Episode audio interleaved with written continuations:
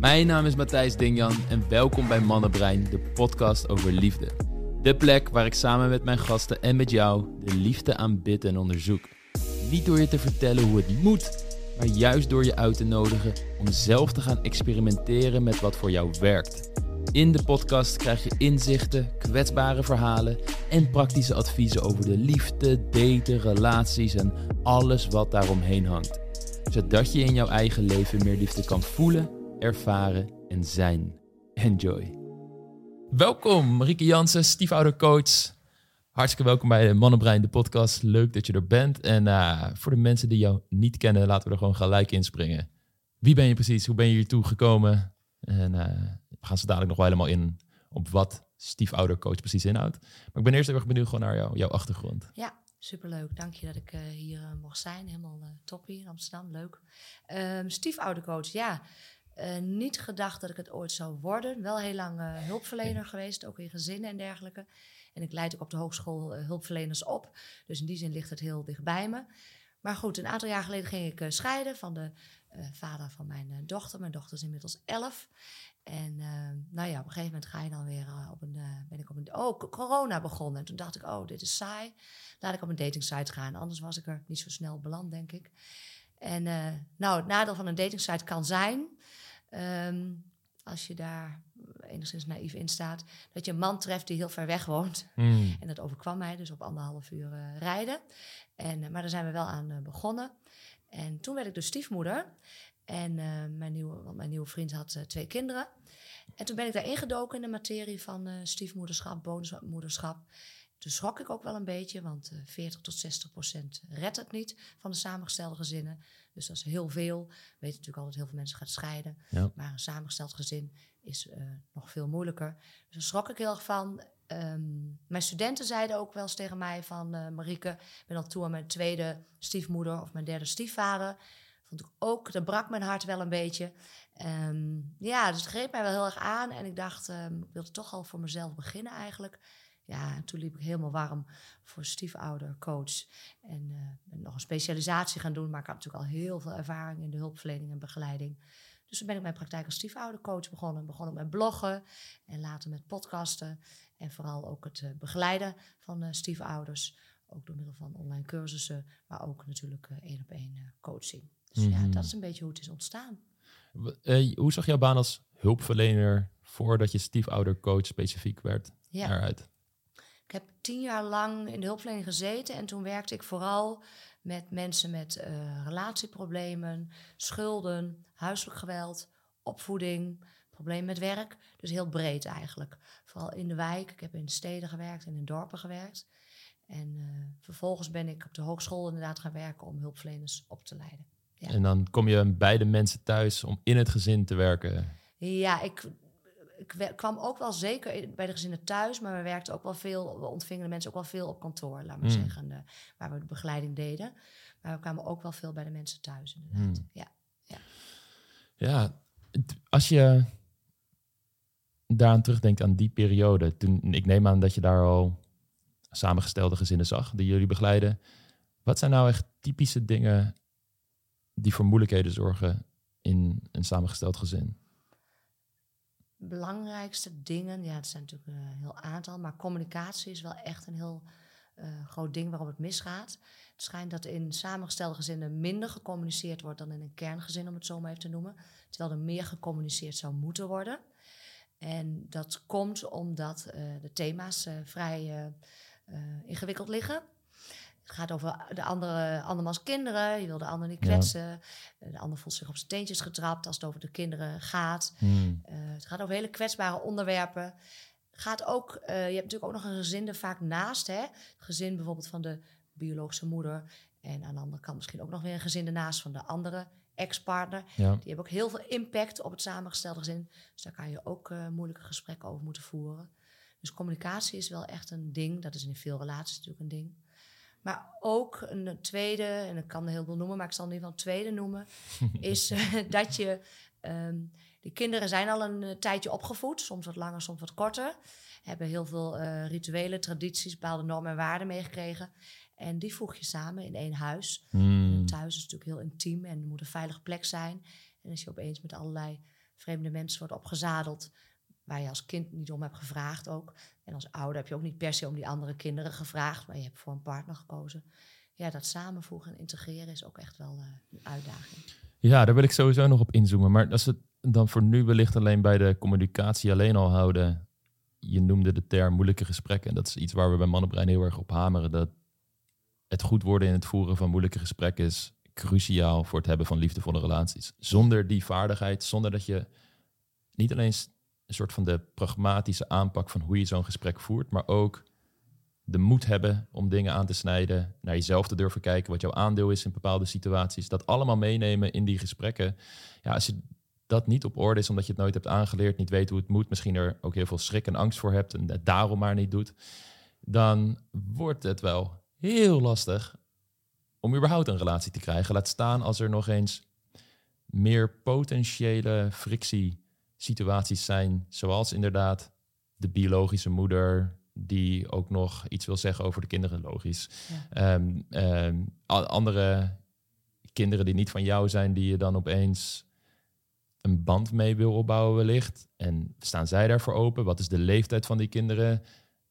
Ben jij al de tweede stiefouder misschien die ze voorgeschoteld krijgen? Er zijn zoveel potentiële brandjes die tot, een, tot, een grote, tot een groot vuur kunnen komen. Dat vereist echt heel veel vaardigheden en ook een soort kalmte en rust in jezelf om daar allemaal mee om te gaan. En ook de bereidheid om er allemaal mee om te willen gaan. Want je hebt ook gewoon je baan. Je, misschien heb je allerlei andere sores aan je hoofd. Uh, het leven kan soms aardig wat uitdagingen tegelijkertijd voorschotelen. Ga dat maar doen. Ja. Weet je, dat is, dat is gigantisch. En allemaal als je misschien ook nog eens dit soort dingen niet geleerd hebt en wat extra pijn meeneemt uit je vorige huwelijk, ja. die er dan ook nog zit. Ja. En je misschien er nog nooit therapie voor hebt gehad, of misschien wel twee, drie keer met iemand gepraat hebt, maar niet tot de kern bent gekomen. Het kan, het kan van alles zijn. Ja, ik, ik ben heel erg benieuwd uh, als ik ja, nou, niet een heel rooskleurig plaatje hier zo aan het schetsen ben, maar wat is jouw visie hierop? Wat, wat is dan voor, belangrijk voor mensen om te doen om dit toch in een positieve kant te, te kunnen sturen, als het ware? Nou, ik ben al heel blij dat jij dit als een, ook een soort missie hebt, inderdaad, om uh, hier aandacht aan te besteden. Ja, wat ik, in, ook in jouw verhaal inderdaad, wat soms inderdaad ook een, gewoon een hele praktische valkuil is, inderdaad, dat, ze heel, dat iedereen heel druk is.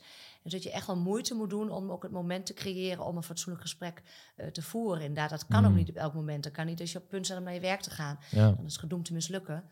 Ja, wat mij opvalt, um, in de coaching bij mij, als ik echt stellen krijg, maar dan krijgen ze ook wel eens los van elkaar. Maar is, ja, gelukkig bij heel veel van mijn klanten, anders kwamen ze ook denk ik niet, heel erg de bereidheid om dat met elkaar aan te gaan. Onder begeleiding wel, want ze vinden het inderdaad heel moeilijk. Mhm. En ook, ehm, eh, ik spreek ook altijd met hen van echt de bereidheid hebben om de ander echt te willen begrijpen. Nieuwsgierig te zijn naar de ander. En um, ja, dus oprecht nieuwsgierig te zijn in de ander. En, hmm. en, echt de moeite willen doen om de ander te begrijpen en uh, echt te luisteren. En dat is wel echt fijn dat het onder begeleiding kan. Want anders stap je gewoon weer in je oude patronen en uh, zit je zo weer in de ja, maar jij en uh, dergelijke. Ja. Dus ja.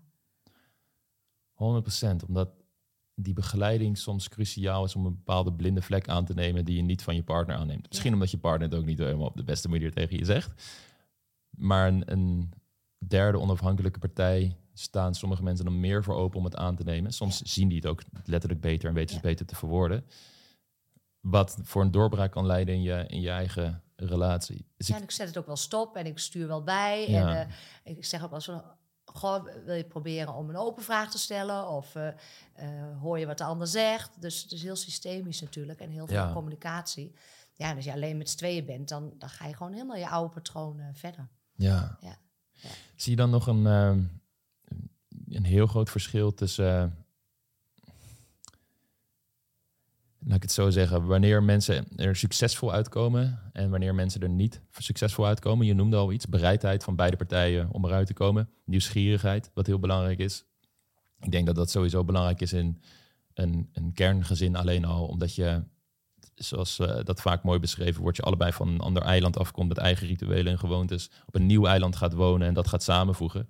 Nou ja, als die kinderen al bepaalde rituelen en gewoontes hebben geleerd van een eiland. Ja. En jij komt weer van een ander eiland, dan gaat dat weer. Dat, nou, dan is dat allemaal eh, een, een bron van allerlei nieuwigheid waar ze niet op zitten, potentieel niet op zitten te wachten. Ja, wat zie jij dan andere dingen dan nieuwsgierigheid en bereidheid die er de kans dat het lukt vergroten? Ja, eh, zeker. Ehm, ook elkaar tegemoet willen komen. En soms, eh, ik hoor best regelmatig van... hij of zij begrijpt mij echt niet... omdat die ander ook in een andere positie zit. Bijvoorbeeld, je hebt een man en een vrouw... en die vrouw heeft geen kinderen... eh, en die man begrijpt niet hoe dat is voor die vrouw... dat hij wel met zijn kinderen leeft. Hmm. Nou, dat is natuurlijk logisch dat je dat niet begrijpt... maar het is dan wel belangrijk dat je het wil aannemen... of dat je het serieus wil nemen. Ja, Dus, eh, en elkaar ook tegemoet willen komen. Ook al is het niet helemaal je ding. Eh, dat je dus ook eh, pick your battles. Ehm, ja, dat je wel gaat staan voor wat je echt belangrijk vindt natuurlijk. Maar dat je soms ook eh, concessies doet. Tijd voor elkaar, eh, heel belangrijk. En ook in een samengesteld gezin is echt dat ehm, team blijven heel belangrijk. In de zin van vooral ook ehm, dat beide partners zich erkend en gewaardeerd voelen. Omdat bijvoorbeeld, ehm, ja, pakken we even heel traditioneel man-vrouw, kan natuurlijk ook eh, man-man, vrouw-vrouw zijn. Maar ehm, ehm, de bonusmoeder voelt zich soms minder erkend en gewaardeerd als eh, de vader bijvoorbeeld niet hard genoeg optreedt tegen de biologische moeder eh, in een discussie of in een, eh, iets wat niet lekker loopt.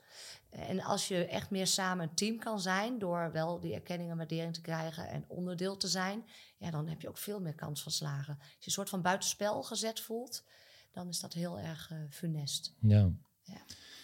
Het blijft gewoon terugkomen op universele fundamenten voor elke liefdevolle relatie. Veiligheid, consistentie, dat je er de hele tijd voor elkaar bent. Dat je dus op elkaar kunt rekenen, zou je kunnen zeggen. Intimiteit, geborgenheid, eh, communicatie en, en, en open kunnen zijn. Samen echt een team vormen.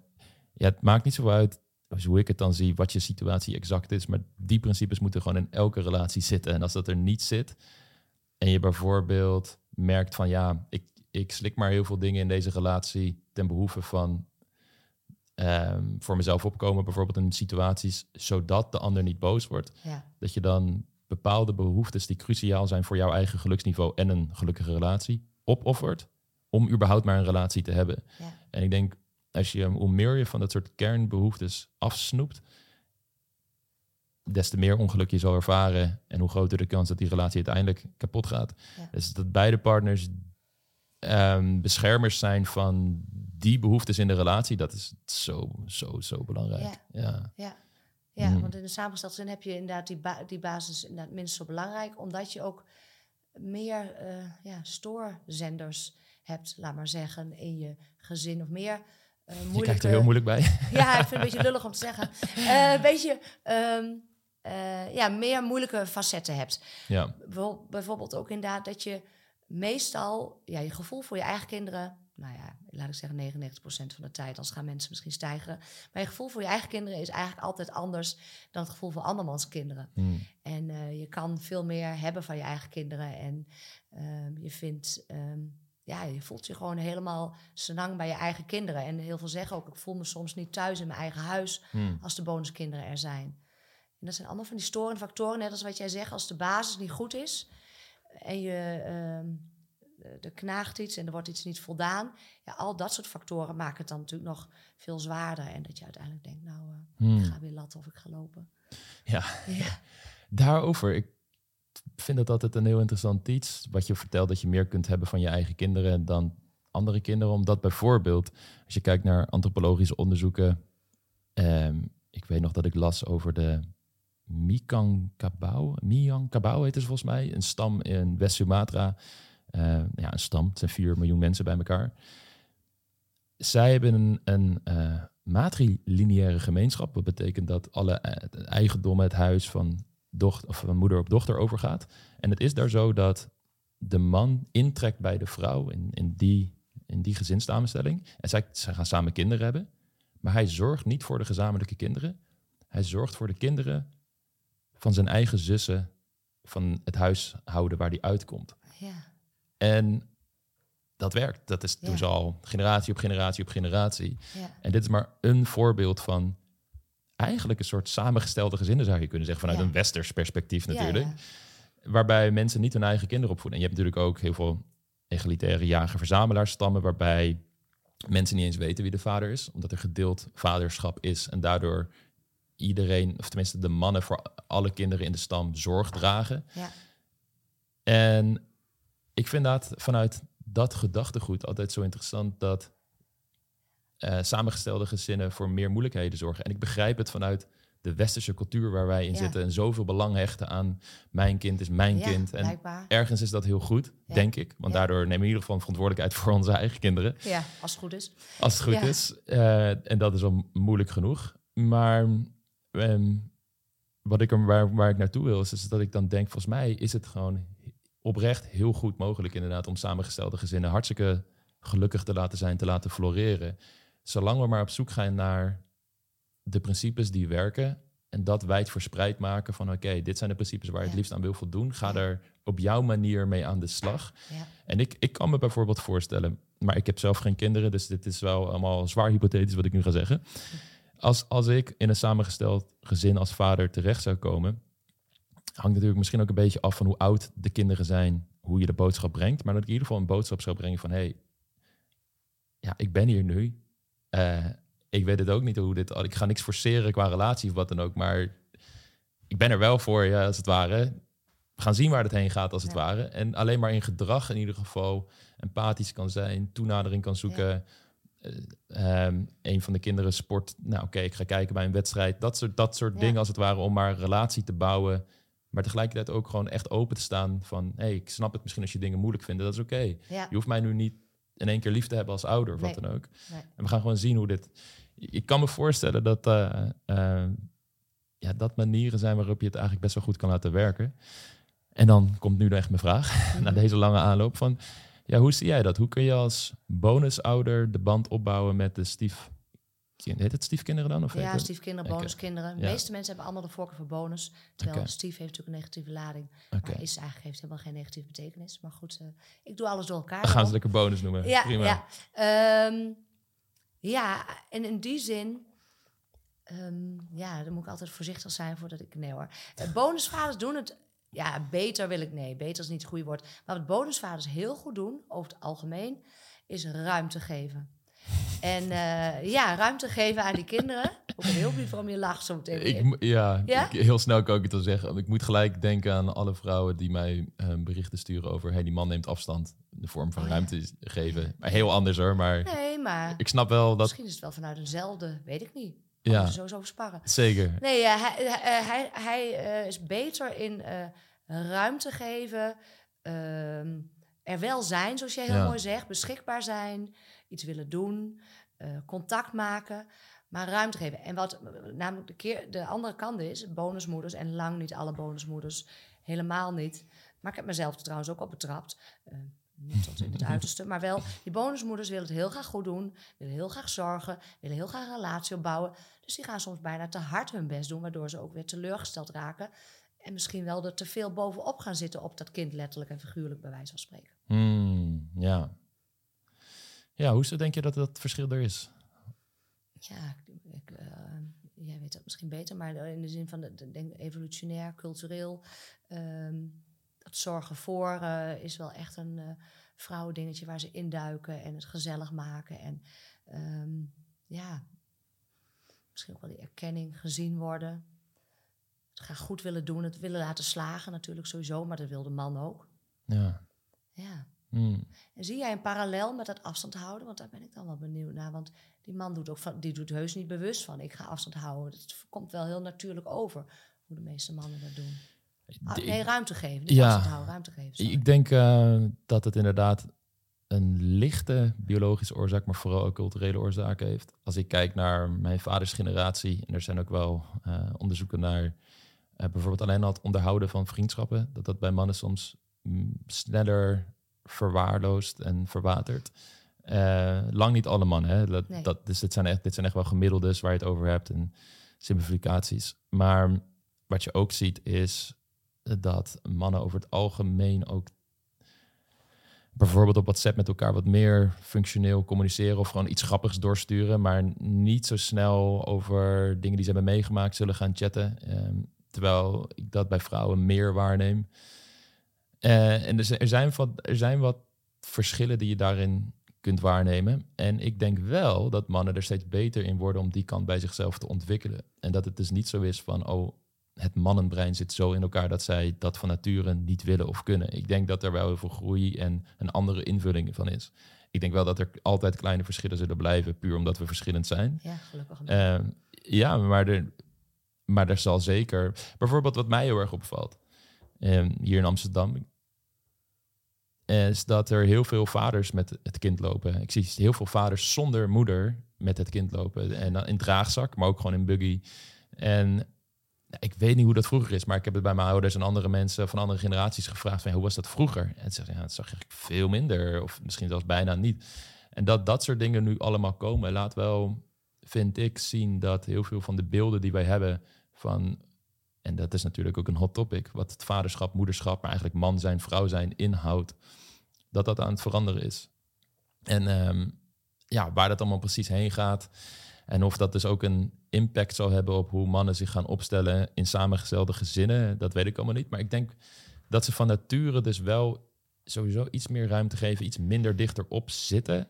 Ehm, en omdat mannen zich wellicht ook aan het ontwikkelen zijn om ook beter te worden in het aangaan en onderhouden van relaties, dat ze daar wel een inhaalslag aan het maken zijn.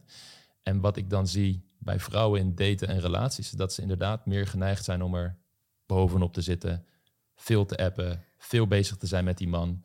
Dus ik kan mij voorstellen dat, want dat is natuurlijk om de relatie te, te, krijgen, maar ook te behouden en de bevestiging te krijgen dat alles nog goed zit, dat ze dat één op één kopiëren naar hoe ze met bijvoorbeeld bonuskinderen zouden omgaan. En er zit natuurlijk wel verschil in. Maar ik kan me wel voorstellen dat ze daar zich dan meer zorgen over maken van doe ik het wel goed? Ben ik als moeder wel leuk genoeg? Ja wat je wellicht tegen je eigen biologische kinderen al kan hebben.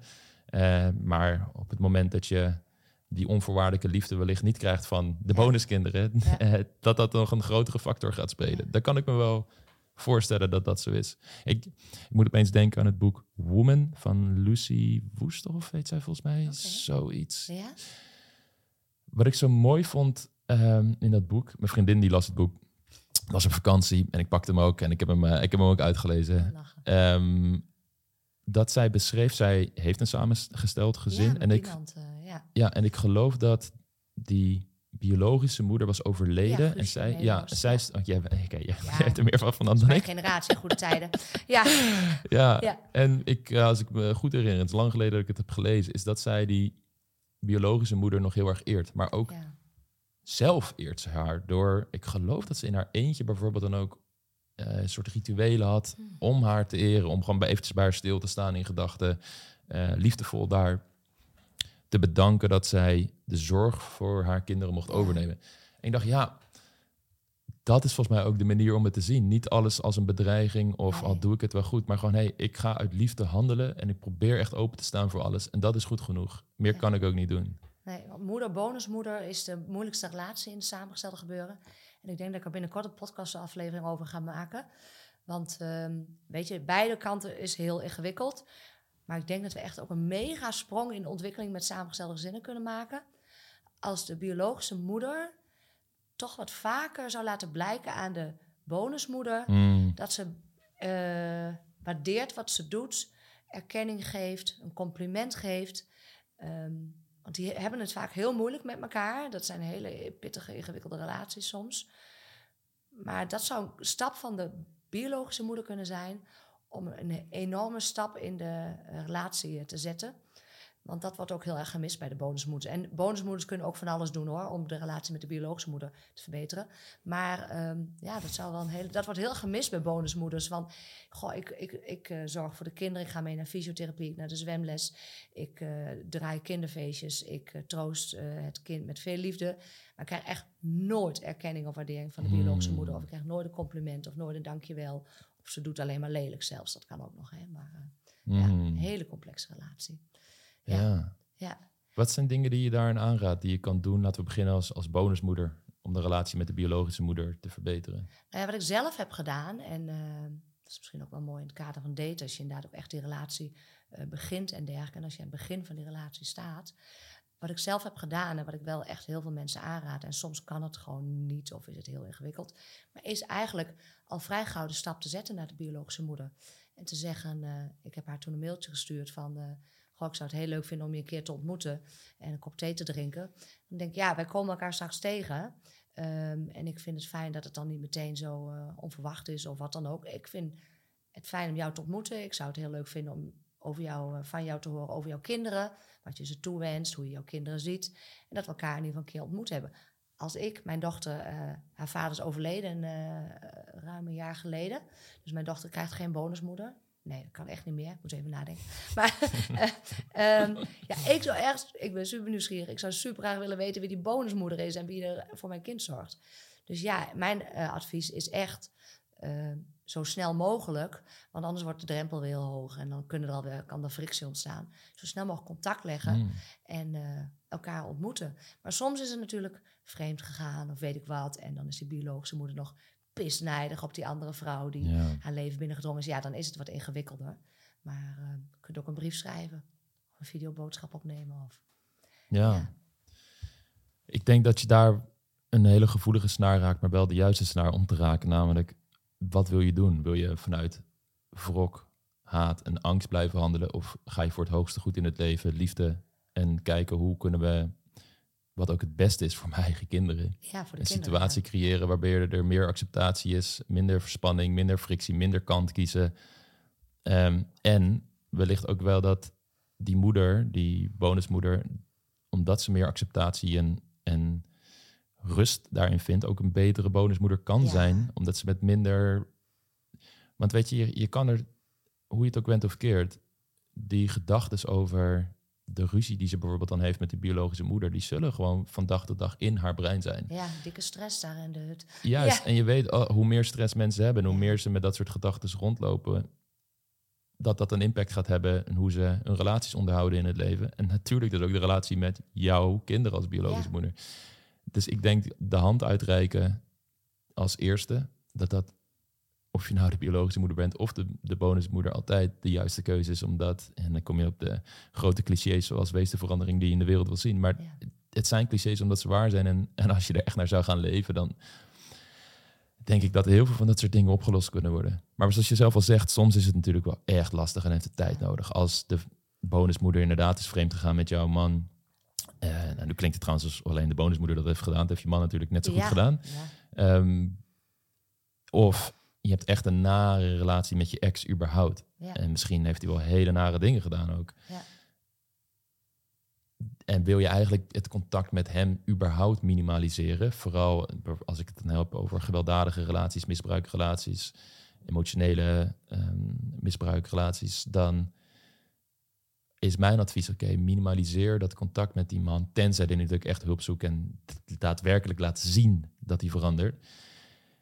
Maar voor je eigen gemoedsrust wil je meestal op dan een hele zakelijke manier met de kinderen op kunnen gaan en dat op, op banen leiden, zodat jij in ieder geval verder kunt met je leven en er niet te veel stress meer van ervaart. Maar als die man dan een nieuwe moeder krijgt, soms hoor je mensen dan zeggen van ja, ik heb eigenlijk ook wel met haar te doen, want ik weet wat voor nare man dit kan zijn en zo.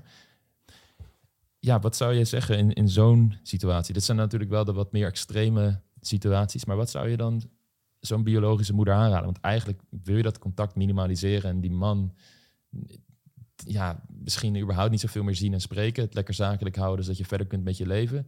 Maar tegelijkertijd, er is er wel een realiteit, wellicht dat er nog een, een regeling is dat jouw kinderen daar eh, in, in zoveel tijd zijn. Ja, ga er maar aan staan. Wat Ja. doe je dan? Ja. Nou ja, je zou natuurlijk wel um, even te denken. Als je het heel belangrijk vindt om toch in ieder geval een lijntje naar die bonusmoeder te leggen. Of in ieder geval iets naar die bonusmoeder te communiceren. Zou je natuurlijk wel prima een briefje kunnen schrijven met een mooie, met, met vanuit de juiste intentie van, goh, Mhm. jij bent nu het leven van mijn kinderen. Uh, mijn ex-partner en ik hebben uh, op, de, op, dit moment dit, dit soort communicatie en deze relatie. Uh, dat is nu even zo. Maar um, ja, ik hoop dat je een mooie of fijne rol in het leven van mijn kinderen uh, kan vervullen. Ze zijn ook bij jou. Uh, ja, en als je wel denkt van ik wil er een keer ontmoeten, zou je dat natuurlijk kunnen zeggen. Of misschien op termijn een keer. Ehm, ja, zoiets denk ik. Dat je in ieder geval misschien... Ja, het is altijd belangrijk om... Hoe zeg je dat? Te, ehm, je ware aard te laten zien van de goede kant, laat maar zeggen. Want oh, het gaat zo snel negatief. Ja, ik, dat vind ik zo mooi aan hoe je het nu schetst. Dus ik hoor niks over negatieve kanten van die partner. Het is gewoon, hey, Ja. dit is hoe het nu is, hoe we met elkaar omgaan. Ja. En in het verleden haal je ineens op. Nee. Maar het, in het hier en nu ben jij nu in het leven van mijn ex-partner en, en dus ook van mijn kinderen. En daar de warmte en liefde in tonen. Ik denk dat dat inderdaad een hele mooie manier is. Zij het via een brief, videoboodschap, voice memo, wat het ook is, Ja. bellen. Als maar een klein seintje van Ja, het is oké dat je er bent. Of ja, ja, zoiets. Want oh, het gaat zo snel. eh, ah, zo, het zo snel. En dan gaan ze appen en dan gaat het helemaal mis natuurlijk. En Mm, nou ja, dramatisch, ja. ja. Ja. En ehm, we hebben het dan nu vanuit eh, bonusmoeder ook richting biologische moeder gehad. En hoe, ja, andersom is het natuurlijk hetzelfde hand uitreiken. Zeggen van, hé, Ja. wat mooi dat je voor mijn kinderen eh, kan zorgen op, in- Ja. op deze manier contact opnemen. Zijn er nog andere dingen waar je van zegt, ja, dat is nog wel belangrijk om mee te nemen? Eh, op, op, op een specifiek terrein, of wat bedoel je? Tussen de moeders, waar je van zegt, dat, dat valt me ook nog op. Je hebt het over een stuk erkenning en waardering gehad. Tussen de moeders. Nou ja, communiceer alsjeblieft. Ehm, en dan liever niet via de app. Ehm, ja, en, en, en heel veel, het is soms echt heel veel mensen, heel veel hebben er een moeilijke relatie. Ja, nou ja, dan zijn natuurlijk de, ja, wat iedereen eigenlijk zou moeten weten en zou moeten doen, maar wat blijkbaar soms ook heel moeilijk is. Absoluut niet lelijk praten over de andere ouder. Absoluut niet lelijk praten over de bonusmoeder of bonusvader tegen de kinderen. Ehm, ook niet als het aan de andere kant wel gebeurt. Altijd neutraal blijven. Altijd blijven ondersteunen dat je kind naar de andere ouder gaat. Tenzij je natuurlijk denkt dat hij daar in gevaar is. Eh, dat is natuurlijk Ja. een ander punt. Ehm, altijd respectvol blijven over de andere ouder. Ehm, het gevoel geven aan het kind dat het altijd welkom is. Mm, ja, en anders inderdaad de communicatie functioneel houden inderdaad. Ehm, Ja, Mhm. ja, ja. En in de, die samengestelde gezinnen waarin het heel goed gaat, wat eh, zijn er een soort, ja, ik wil bijna zeggen, een soort archetypes van die je elke keer wel ziet terugkomen? We hebben natuurlijk al een paar punten benoemd die belangrijk zijn voor dat soort relaties. Maar wat valt je nou op aan, als je dat zou beschrijven? Hoe ziet dat zo'n, hoe ziet een succes, succesvol eh, samengesteld gezin eruit? Ja, wat ik zelf daarin ook wel belangrijk vind en ook wel geprobeerd heb en ook wel heb ervaren van, oh, dat is toch soms ook best wel lastig. Maar dat je, dat iedereen mag zijn wie die is. Ehm, dus dat je ook alle gezinsleden ja, toch kan accepteren met al zijn gekkigheden en mafheden en eh, de ander niet probeert te veranderen. En dan heb je ook weer inderdaad natuurlijk dat het kind van de ander, dat je dat soms lastiger vindt inderdaad. En dan, eh, nou, zeker ook als diagnoses of iets dergelijks zijn, hè, dat het kind ook het moeilijke gedrag laat zien. Maar elkaar, eh, dat iedereen er mag zijn, dat iedereen welkom is, dat iedereen een plek heeft. Dat iedereen kan zijn wie die is. Dat je soms ook, ik geef ook masterclasses, pubers in stiefgezin. En daar zie je ook weer zo, dat is weer echt ook eigen aan de stiefdynamiek. En vooral als je net een relatie krijgt voordat de kinderen richting puberteit gaat. Die ouders willen graag een gezin creëren en harmonie en relaties opbouwen. En die pubers die gaan zich losmaken. Oh, ja. En die willen, die dingen zijn met zichzelf bezig en niet met de ander. En die gaan zich losmaken. Dus het werkt dan zo, kan zo tegenwerken. En dan denkt die bonusouder, zie je wel, hij praat niet tegen me, hij mompelt Ja. alleen maar. Ja, dat doen alle pubers, of zij mompelt alleen maar. Eh, ja, dus het werkt dan, dat is zo ja, interessant inderdaad. Dus, en dat bespreekt dan ook wel met ze en dat is ook wel verhelderend. Ehm, ja, dus dat is wel belangrijk om... eh, dit is toch waar het leven sowieso om gaat. Het tot op zekere hoogte kunnen accepteren van de andere mensen zoals ze zijn. ja. Alleen het wordt moeilijk, want oké, ehm, ik, ik, toen ik 13 was, net naar de middel- middelbare school ging, ik luisterde naar heel veel hip-hop. Toen de tijd was eh, 50 Cent en The Game waren heel groot, Eminem en noem maar, maar op. En ik, ik droeg dan super oversized kleren, eh Karokani merken, allemaal Amerikaanse hip-hop merken.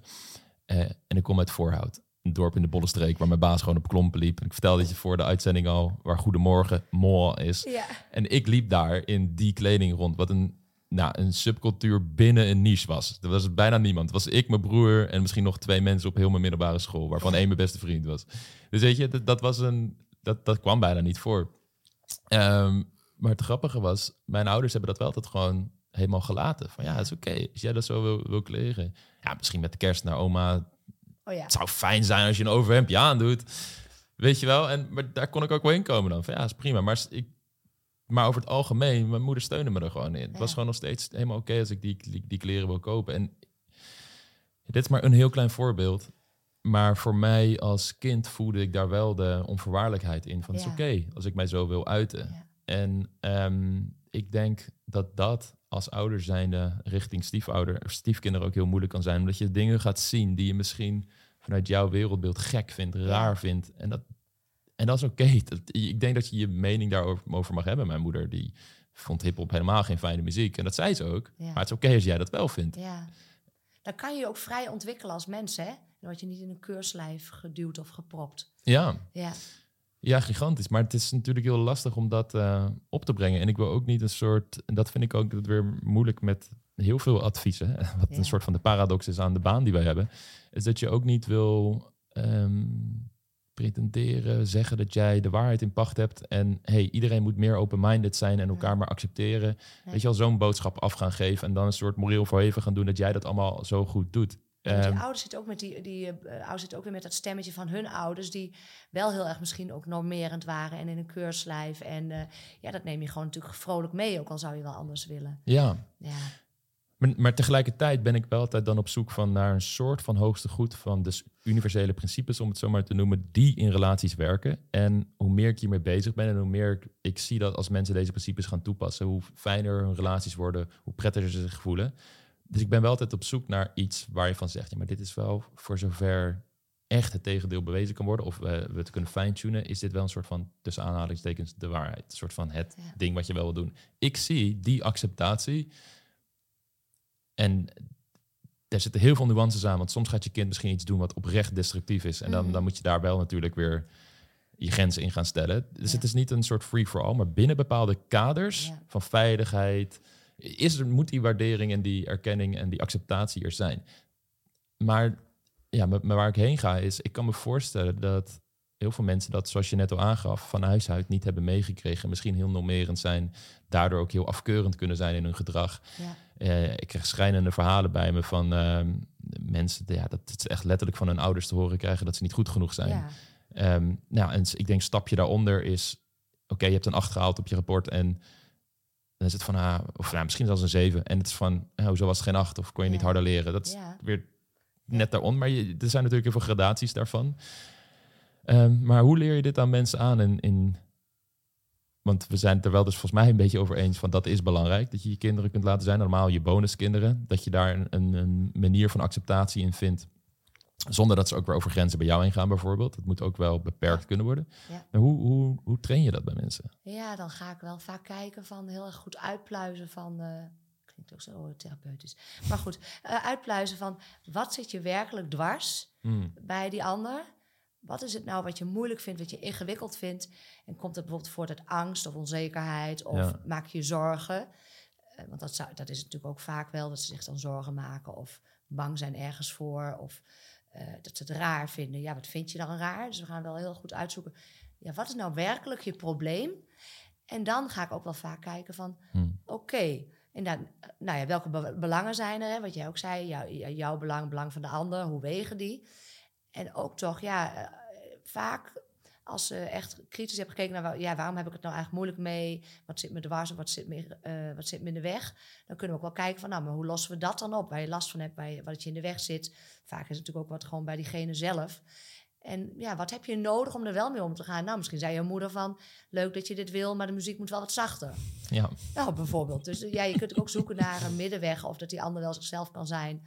Maar dat dingen die echt lastig zijn of ingewikkeld zijn, ehm, dat je daar wel wat in doet. Nou, ik zeg maar wat. Stel, iemand maakt zich zwaar op en de wasbak zit continu onder, elke ochtend onder de make-up pruttel.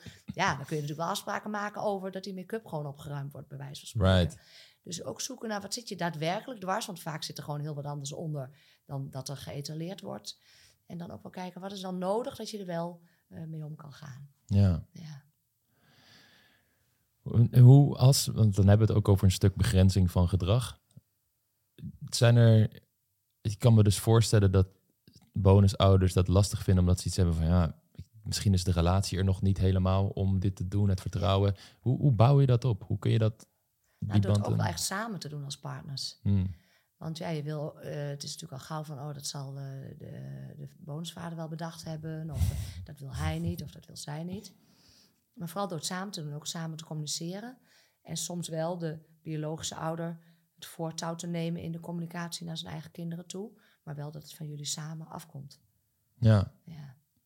Mhm. Dus daar wel ook inderdaad ja, die gezamenlijkheid in. En, daar, en dat is ook heel lastig dus, want dan heb je die botsende culturen of opvoedings, opvoedstijlen.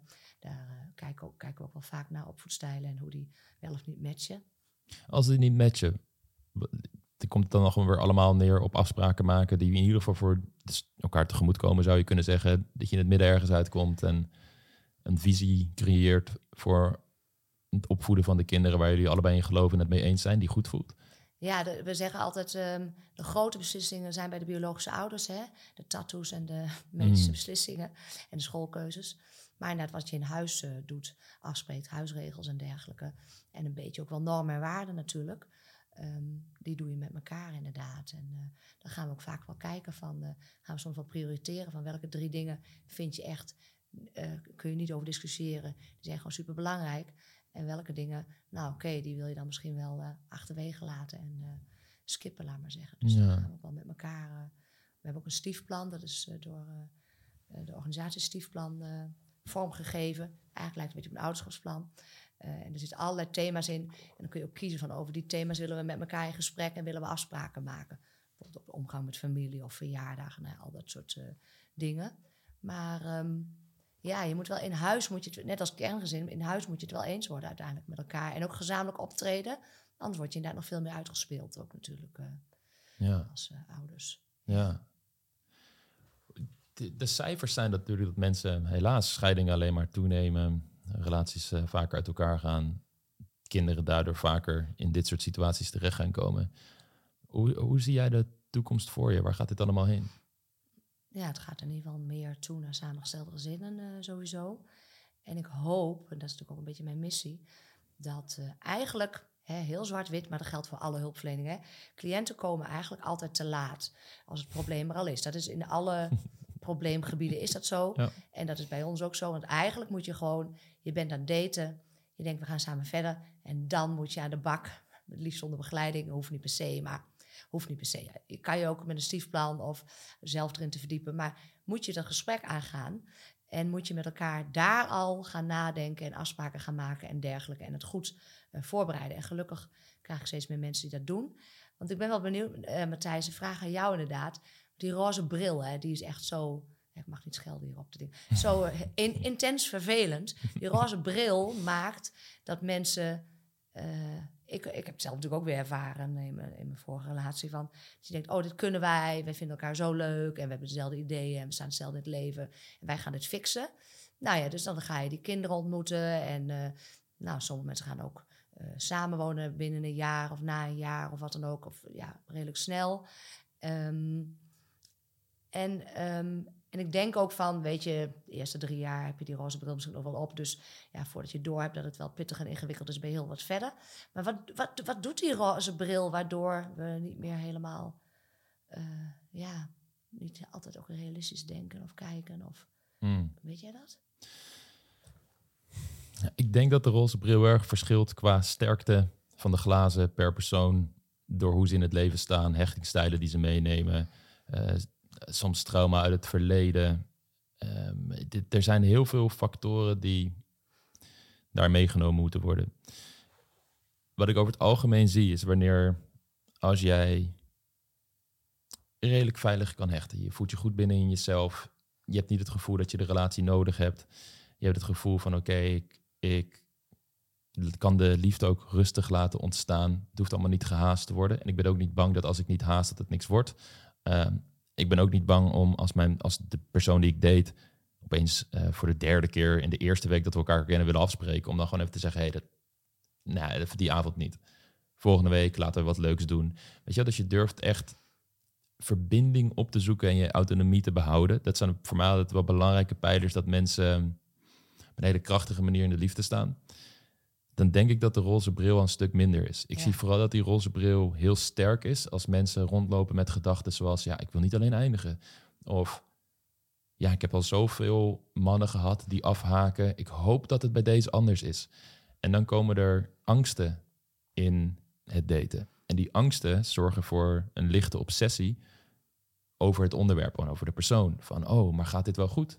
Gaat het wel de goede kant op? Vindt hij me wel leuk? Moet ik niet meer doen? Wat betekent dit appje? En verliefdheid is een soort obsessie. En verliefdheid is heel leuk als het pure verliefdheid is en je gewoon aan die persoon moet denken en je vanuit liefde en overvloed denkt van, oh, zou ik die persoon nu een berichtje sturen of zo? Weet je wel, dat, dat is heel fijn. En dan stuur je wat, wat plezier toevoegt in het leven van die andere persoon. En daarna kan je het ook weer loslaten, omdat dat verliefde gevoel aan zich al goed genoeg is om te voelen. En je hebt vertrouwen dat het dat goed zit. En dat, want je krijgt ook die signalen van de ander. En dat je niet hoeft te haasten, want dat komt allemaal wel, want het zit goed. Ja. Maar wanneer die angsten erin zitten, dan lijkt dat verliefdheid, omdat het voor eenzelfde obsessie kan zorgen. Alleen het is angstgedreven gedrag, waardoor je niet dat berichtje gaat sturen omdat je het gewoon eventjes aan hem denkt en het leuk wil doen. Nee, maar er zit soms wat achter. Oh, hij heeft geen goedemorgen geappt met een Ja. smiley. Dat doet hij normaal altijd. Zal er wat zijn? Oh, ik ga toch maar dit berichtje sturen. Ja. En het is die extra laag die, en die voor een, een bepaalde sterkte zorgt van de glazen van de roze bril, waar ik van denk dat hoort niet meer bij verliefdheid. En wanneer mensen daar vanaf kunnen komen en veel meer vanuit die stabiele, kalme liefde gaan handelen en vanuit daar partners gaan ontmoeten, denk ik dat je een veel grotere kans hebt Ja, om een stevig fundament te bouwen ja, Ehm, en ook heel anders in dat contact met die ander staat. Daardoor ook een ander soort persoon aantrekt. Of misschien wel dezelfde persoon aantrekt, maar andere kanten van hem of haar naar boven haalt door hoe jij met hun omgaat. ja. Eh, dat je dan een veel grotere kans hebt dat een samengesteld gezin of een, de relatie überhaupt zonder kinderen gaat werken. Ja, dan hoef je ook niet te overhaasten met van alles en nog wat. Er zit Ja. dus ook een heel, eh, klopt dat, dat daar, er zit dus ook een heel facet vertrouwen kunnen hebben. Een, een basisvertrouwen hebben in dat het goed komt. Mhm. Of vertrouwen op eh, ja, de weg die, eh, die eraan komt. Of vertrouwen op dat het loopt zoals het loopt. Ja, en dit is het allermoeilijkste, denk ik, wanneer je dat nooit of heel gering hebt gehad in je leven. Ja, En het leven, de realiteit tussen aanhalingstekens, het tegendeel van dat vertrouwen bewijst. ja, Bijvoorbeeld een dame die ik nu coach, eh, 30 jaar in een relatie gezeten waar zo goed als geen sprake was van eh, intimiteit. En dan niet per se seks, maar meer hand in hand lopen, samen op de bank zitten, samen een weekendje weggaan.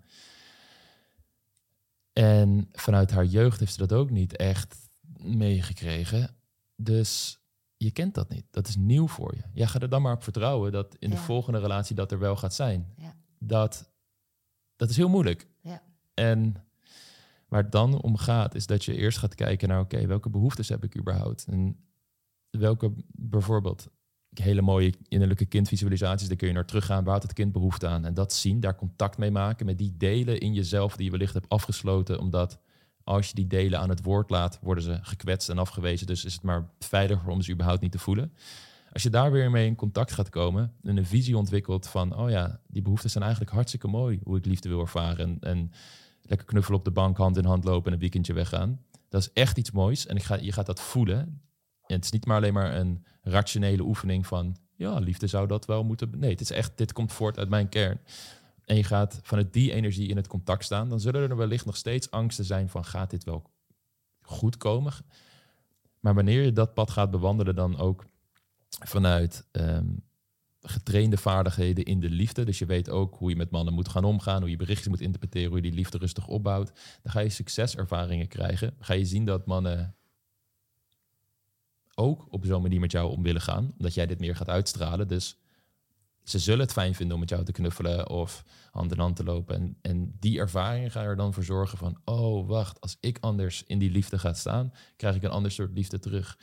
Dan gaat het vertrouwen nog sterker groeien en leg je een nieuw fundament voor een nieuwe relatie, wat gestoeld is op die belangrijke principes van veiligheid, intimiteit, geborgenheid, waar we het al vaker over gehad hebben, maar ook op een voldoening van jouw behoeftes. Net zoals je de behoeftes van je partner wil voldoen en de liefde kan geven die je wil geven en ontvangen die je wil ontvangen. Ja. Ja.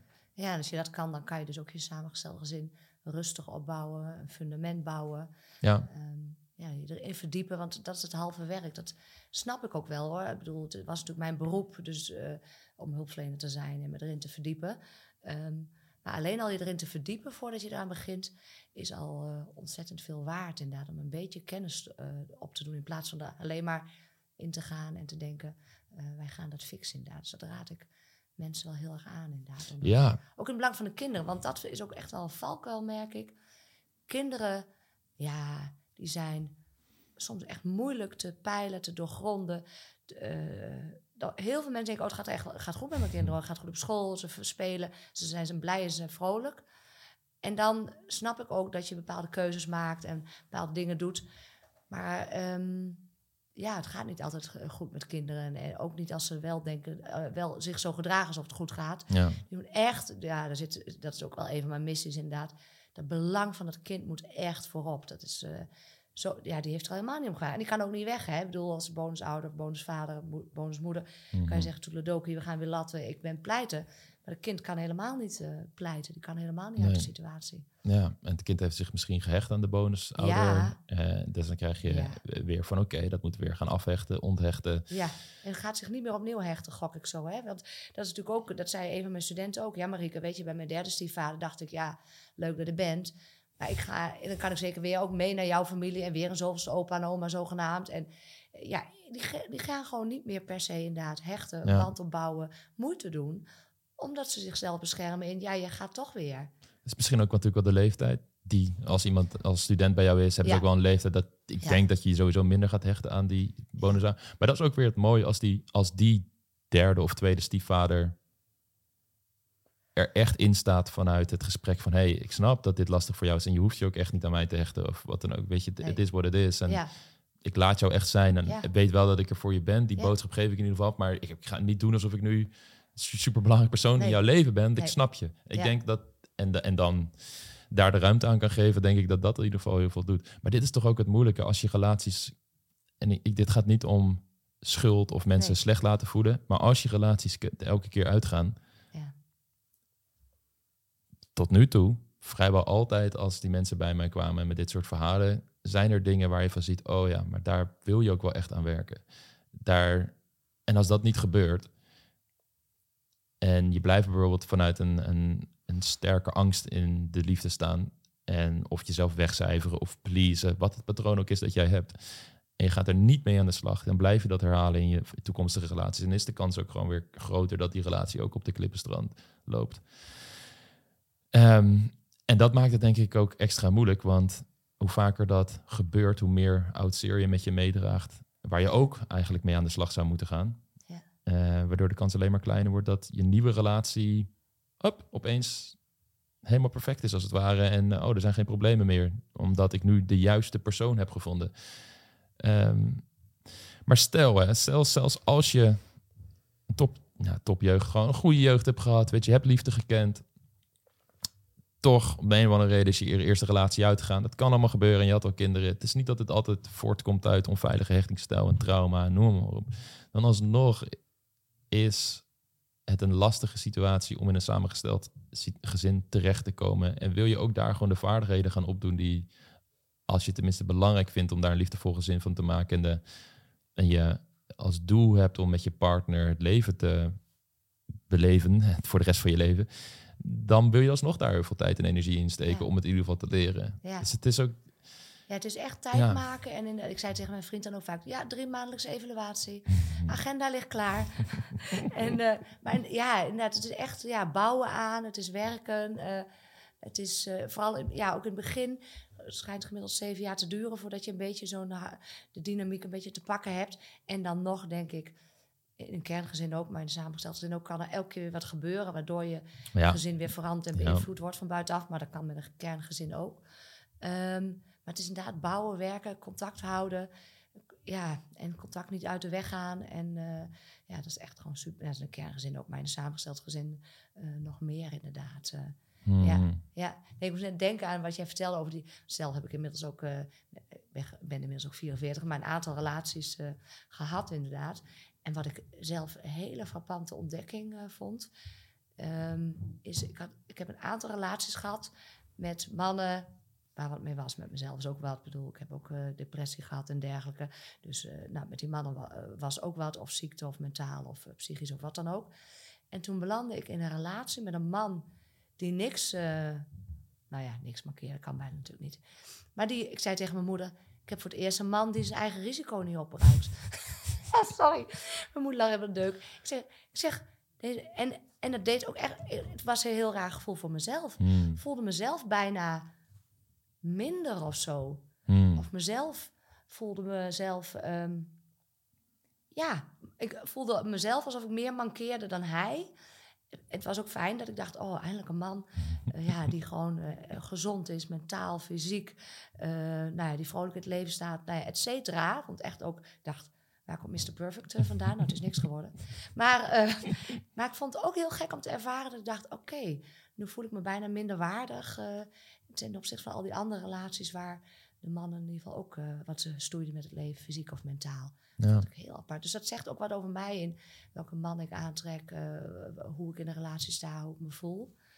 Nou ja, ja, jij hebt dit nu heel bewust gehad, maar ik denk dat heel veel mensen onbewust voor partners kiezen die ongeveer op hetzelfde niveau communiceren en relaties aan kunnen gaan, dezelfde soort veiligheid kunnen bieden.